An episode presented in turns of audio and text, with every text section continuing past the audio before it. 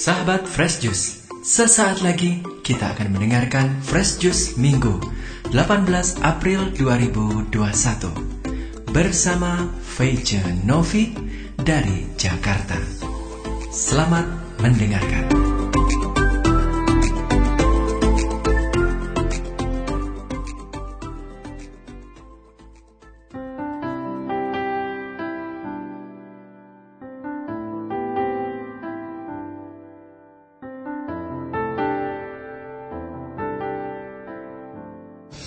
Shalom sahabat-sahabat pendengar Daily Fresh Juice yang dikasihi Tuhan di mana pun Anda berada.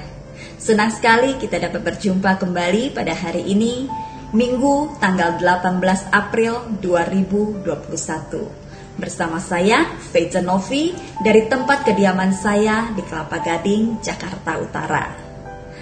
Hari ini bersama-sama kita akan mendengar dan merenungkan Injil Yesus Kristus menurut Santo Lukas bab 24 ayat 35 sampai 48. Mari kita dengarkan bersama-sama. Lalu kedua orang itu pun menceritakan apa yang terjadi di tengah jalan dan bagaimana mereka mengenal dia pada waktu ia memecah-mecahkan roti. Dan sementara mereka bercakap-cakap tentang hal itu, Yesus tiba-tiba berdiri di tengah-tengah mereka dan berkata kepada mereka, "Damai sejahtera bagi kamu." Mereka terkejut dan takut dan menyangka bahwa mereka melihat hantu. Akan tetapi, ia berkata kepada mereka, "Mengapa kamu terkejut dan apa sebabnya timbul keragu-raguan di dalam hati kamu?" Lihatlah tanganku dan kakiku. Aku sendirilah ini. Rabalah aku dan lihatlah. Karena hantu tidak ada daging dan tulangnya, seperti yang kamu lihat ada padaku. Sambil berkata demikian, ia memperlihatkan tangan dan kakinya kepada mereka. Dan ketika mereka belum percaya karena girangnya dan masih heran, Berkatalah ia kepada mereka, "Adakah padamu makanan di sini?" Lalu mereka memberikan kepadanya sepotong ikan goreng. Ia mengambilnya dan memakannya di depan mata mereka. Ia berkata kepada mereka, "Inilah perkataanku yang telah kukatakan kepadamu ketika aku masih bersama-sama dengan kamu, yakni bahwa harus digenapi semua yang tertulis tentang aku dalam kitab Taurat Musa dan kitab nabi-nabi dan kitab Mazmur. Lalu ia membuka pikiran mereka sehingga mereka mengerti kitab suci. Katanya kepada mereka, ada tertulis demikian. Mesias harus menderita dan bangkit dari antara orang mati pada hari ketiga. Dan lagi, dalam namanya berita tentang pertobatan dan pengampunan dosa harus disampaikan kepada segala bangsa, mulai dari Yerusalem. Kamu adalah saksi dari semuanya itu. Demikianlah Injil Tuhan. Terpujilah Kristus. Sahabat-sahabat pendengar Daily Fresh Juice yang dikasihi Tuhan, kita sudah mendengarkan kisah tentang Yesus yang menampakkan diri kepada murid-muridnya. Nah, saya ingin memberikan sebuah ilustrasi supaya kita lebih mudah untuk menangkap situasi para murid-murid Yesus pada saat itu. Saya yakin banyak di antara kita pasti mempunyai idola, ya kan? Saya juga punya idola karena saya senang nonton drakor. Saya suka dengan Hyun Bin, saya suka dengan Cha Eun Woo, Lee Min Ho dan sebagainya. Nah, dalam satu situasi saya dan seorang teman saya lagi pergi ke satu tempat. Kemudian tiba-tiba kami ketemu dengan Hyun Bin. Karena terlalu senang, akhirnya kita mau cerita ke teman-teman yang lain. Baliklah kami ke sekelompok teman-teman kami yang juga timnya Hyun Bin. Nah, kita cerita, teman-teman, tahu nggak? Tadi di perjalanan kami ketemu dengan Hyun Bin. Kira-kira apa reaksi teman-teman saya? Yang ada mungkin mereka akan melihat, Faye, are you okay? kamu sehat?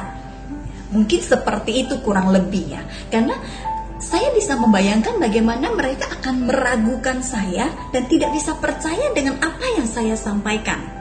Nah, kita melihat situasi dari dua orang murid Yesus yang tadinya mau pergi ke Emmaus. Kemudian di perjalanan mereka bertemu dengan Yesus yang bangkit. Nah, karena begitu kegirangan, mereka pun kembali ke Yerusalem untuk menyampaikan kepada teman-temannya yang lain. Teman-teman, tadi di perjalanan kami ketemu dengan Yesus. Reaksi teman-temannya yang lain bagaimana? Ini adalah sekelompok orang, murid-murid Yesus yang mengidolakan Yesus pastinya kan? Mereka begitu mempunyai kerinduan yang besar terhadap gurunya ini pasti. Nah, disampaikan berita seperti itu mau senang juga. Iya masa sih Faye gitu kan ya. Kurang lebih kalau kita lagi senang. Mereka mau senang tapi juga mikir nih orang halu atau memang benar? Nah di tengah keraguan murid-muridnya yang lain ini Yesus datang hadir di tengah-tengah mereka Yesus tahu keraguan mereka. Kemudian Yesus memberikan salam khasnya dia, damai sejahtera bagi kamu. Ini ciri khasnya Tuhan Yesus. Ketika ia hadir, dia memberikan salam yang penuhi dengan damai sejahtera bagi kita semua. Nah, tentu itu juga masih tidak serta-merta membuat para murid-murid yang lain langsung yakin Tuhan Yesus pun tahu bahwa mereka masih mempunyai keraguan. Dan Tuhan Yesus meminta apa?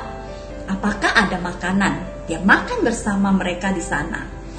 Untuk memenuhi kerinduan mereka dan keraguan murid-muridnya, kemudian Yesus katakan apa? Lihat ini, raba saja tidak apa-apa. Ini tanganku, ini luka-lukaku. Dari situlah mereka yakin bahwa oh benar ini guru yang sangat kami rindukan. Ini Yesus yang bangkit dari kuburnya. Di situlah mereka dipenuhi dengan sukacita dan meyakin bahwa Yesus sungguh-sungguh hadir di tengah-tengah mereka. Sahabat-sahabat yang terkasih, melalui permenungan Injil hari ini, saya ingin mengajak teman-teman semua untuk memahami bahwa Yesus sering kali menyatakan kehadirannya melebihi harapan kita, melebihi ekspektasi kita. Mungkin kita hanya meminta Tuhan cukupkanlah saja apa yang saya butuhkan. Ketika kita meminta Tuhan mencukupkan kebutuhan kita, Tuhan justru memberikan kita lebih dari apa yang kita minta. Nah, saya punya pengalaman pribadi. Terkadang Yesus itu menyatakan kehadirannya tidak selalu dengan apa yang kita lihat sendiri atau yang kita rasakan sendiri. Tuhan Yesus bisa memakai siapa pun orang-orang di dekat kita untuk menyatakan kehadirannya. Saya ingin berbagi pengalaman dengan sahabat-sahabat Daily Fresh semua. Satu ketika saya mengalami masalah uh, dalam pekerjaan saya ternyata efek dari masalah ini tidak hanya membuat saya harus e, menata kembali pekerjaan kami, akan tetapi ini memberikan efek pada dunia pelayanan saya juga. Singkat cerita, saya menjadi pribadi yang begitu e, tertutup, tidak percaya diri bahwa saya masih akan dipakai Tuhan. Padahal saya merasa bahwa sebenarnya saya tidak salah atau apa, tapi rasa percaya diri saya itu menjadi terkikis. Nah, saya jadi sering kali menolak permintaan-permintaan atau ajakan-ajakan teman-teman untuk mendoakan orang-orang sakit. Yang padahal sebelum terjadinya masalah yang saya alami itu, saya termasuk orang yang rajin untuk datang mengunjungi orang-orang sakit dari sejak saya sebagai legioner Maria sampai perjalanan pelayanan saya yang lain pun saya selalu uh, punya kerinduan untuk datang ke rumah sakit, datang mengunjungi orang-orang sakit untuk berdoa. Tapi karena masalah itu saya menjadi orang yang tidak percaya diri untuk mendoakan orang lain. Kenapa? Karena untuk mendoakan diri saya sendiri pun saya ragu. Nah, satu ketika mama dari teman saya sakit. Nah, ceritanya ini teman-teman dekat, sehingga saya tidak bisa menolak berkali-kali untuk tidak lagi datang mendoakan orang ini. Singkat cerita, setelah sudah berkali-kali saya menghindar dari teman-teman yang lain yang mengajak untuk mengunjungi mamanya teman saya ini, yang satu kali ini saya pikir ini juga teman dekat saya. Sangat tidak enak kalau misalnya saya sama sekali tidak datang, sedangkan mamanya sudah sakit cukup kritis. Akhirnya saya e, berdoa dan saya sampaikan kepada Tuhan. Tuhan Yesus engkau tahu kenapa saya e, sering kali menolak pelayanan-pelayanan doa. Karena saya sendiri belum berdamai dengan diri saya sendiri untuk masalah yang sedang saya hadapi. Tapi karena ini adalah teman dekat dan saya mempunyai dorongan bahwa orang ini membutuhkan doa. Akhirnya saya ikut bersama-sama dengan teman-teman saya untuk mengunjungi si tante ini. Seperti ekspektasi saya bahwa sampai di sana pasti saya akan disuruh memimpin doa, benar sampai di sana saya diminta oleh teman-teman saya untuk memimpin doa kami di sana. Ya, akhirnya saya terima. Nah, di sana saya berdoa, tidak hanya itu saya juga penyembahan. Ketika saya sudah selesai berdoa, kami semua sudah selesai berdoa. Salah satu dari teman yang ikut serta di dalam tim itu berbicara menyampaikan sesuatu kepada kami. Dia bilang, sebenarnya saya tidak mau menyampaikan ini, tapi entah kenapa seperti ada satu dorongan yang menyuruh saya untuk menyampaikan ini. Dia bilang, emangnya ada apa Ci? Saya tanya. Kemudian si teman saya ini cerita, dia bilang, tadi ketika VV sedang berdoa, ketika VV sedang penyembahan, saya melihat seluruh ruangan ini dipenuhi dengan embun berwarna ungu yang berjatuhan. Sangat indah, bilang. Pada saat itu saya kaget, saya deg-degan rasanya tuh jantung saya berdebar-debar. Oh, oke. Okay. Kenapa ada dorongan yang menyuruh teman saya untuk menyampaikan cerita ini kepada kami di situ? Saya simpan dalam hati saya, kemudian uh, kami pulang. Saya dalam perjalanan saya sendiri di dalam mobil, sukacita itu tidak ada habisnya dan saya kembali menyembah Tuhan sampai saya nangis di dalam mobil sendiri karena Tuhan memakai teman saya itu untuk menyampaikan sesuatu kepada saya. Nah, sudah disampaikan begitu jelas, saya masih punya keraguan. Masa iya ya Tuhan bisa nyampein dengan cara seperti itu? Bebal ya. Kemudian uh, ada satu kesempatan lagi ketika uh, saya harus mengajar anak saya belajar. Anak saya yang kedua ini agak kesulitan di pelajaran-pelajaran yang berbahasa Indonesia Singkat cerita, keesokan harinya dia akan menghadapi ujian PPKN. Nah, sulit buat saya untuk mengajarkan dia karena dia tidak paham bahasa-bahasa yang baku. Sehingga saya ajak, saya bilang, Dek, kita doa dulu ya. Mami akan doakan Dedek.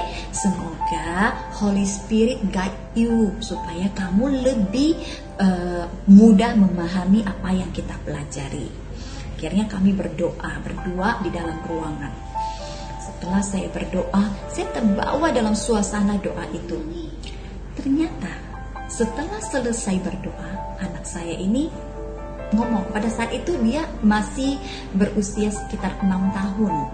Ya, masih kecil. Dia bilang gini dalam bahasa Inggris, ya. Mami, mami, tadi waktu mami lagi doa, melihat sesuatu yang sangat indah I saw something so nice, dia bilang. Di ruangan ini ada uh, something something yang jatuh katanya. Ada sesuatu yang jatuh warnanya blue.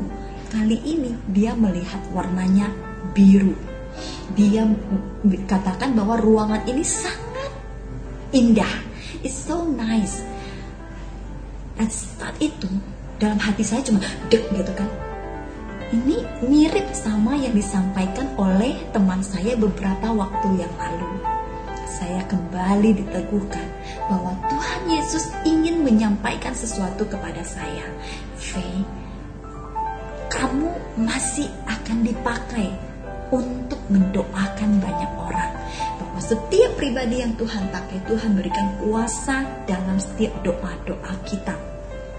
Karena keraguan saya itu, Tuhan sampai datang dua kali menyampaikan dengan cara yang mirip.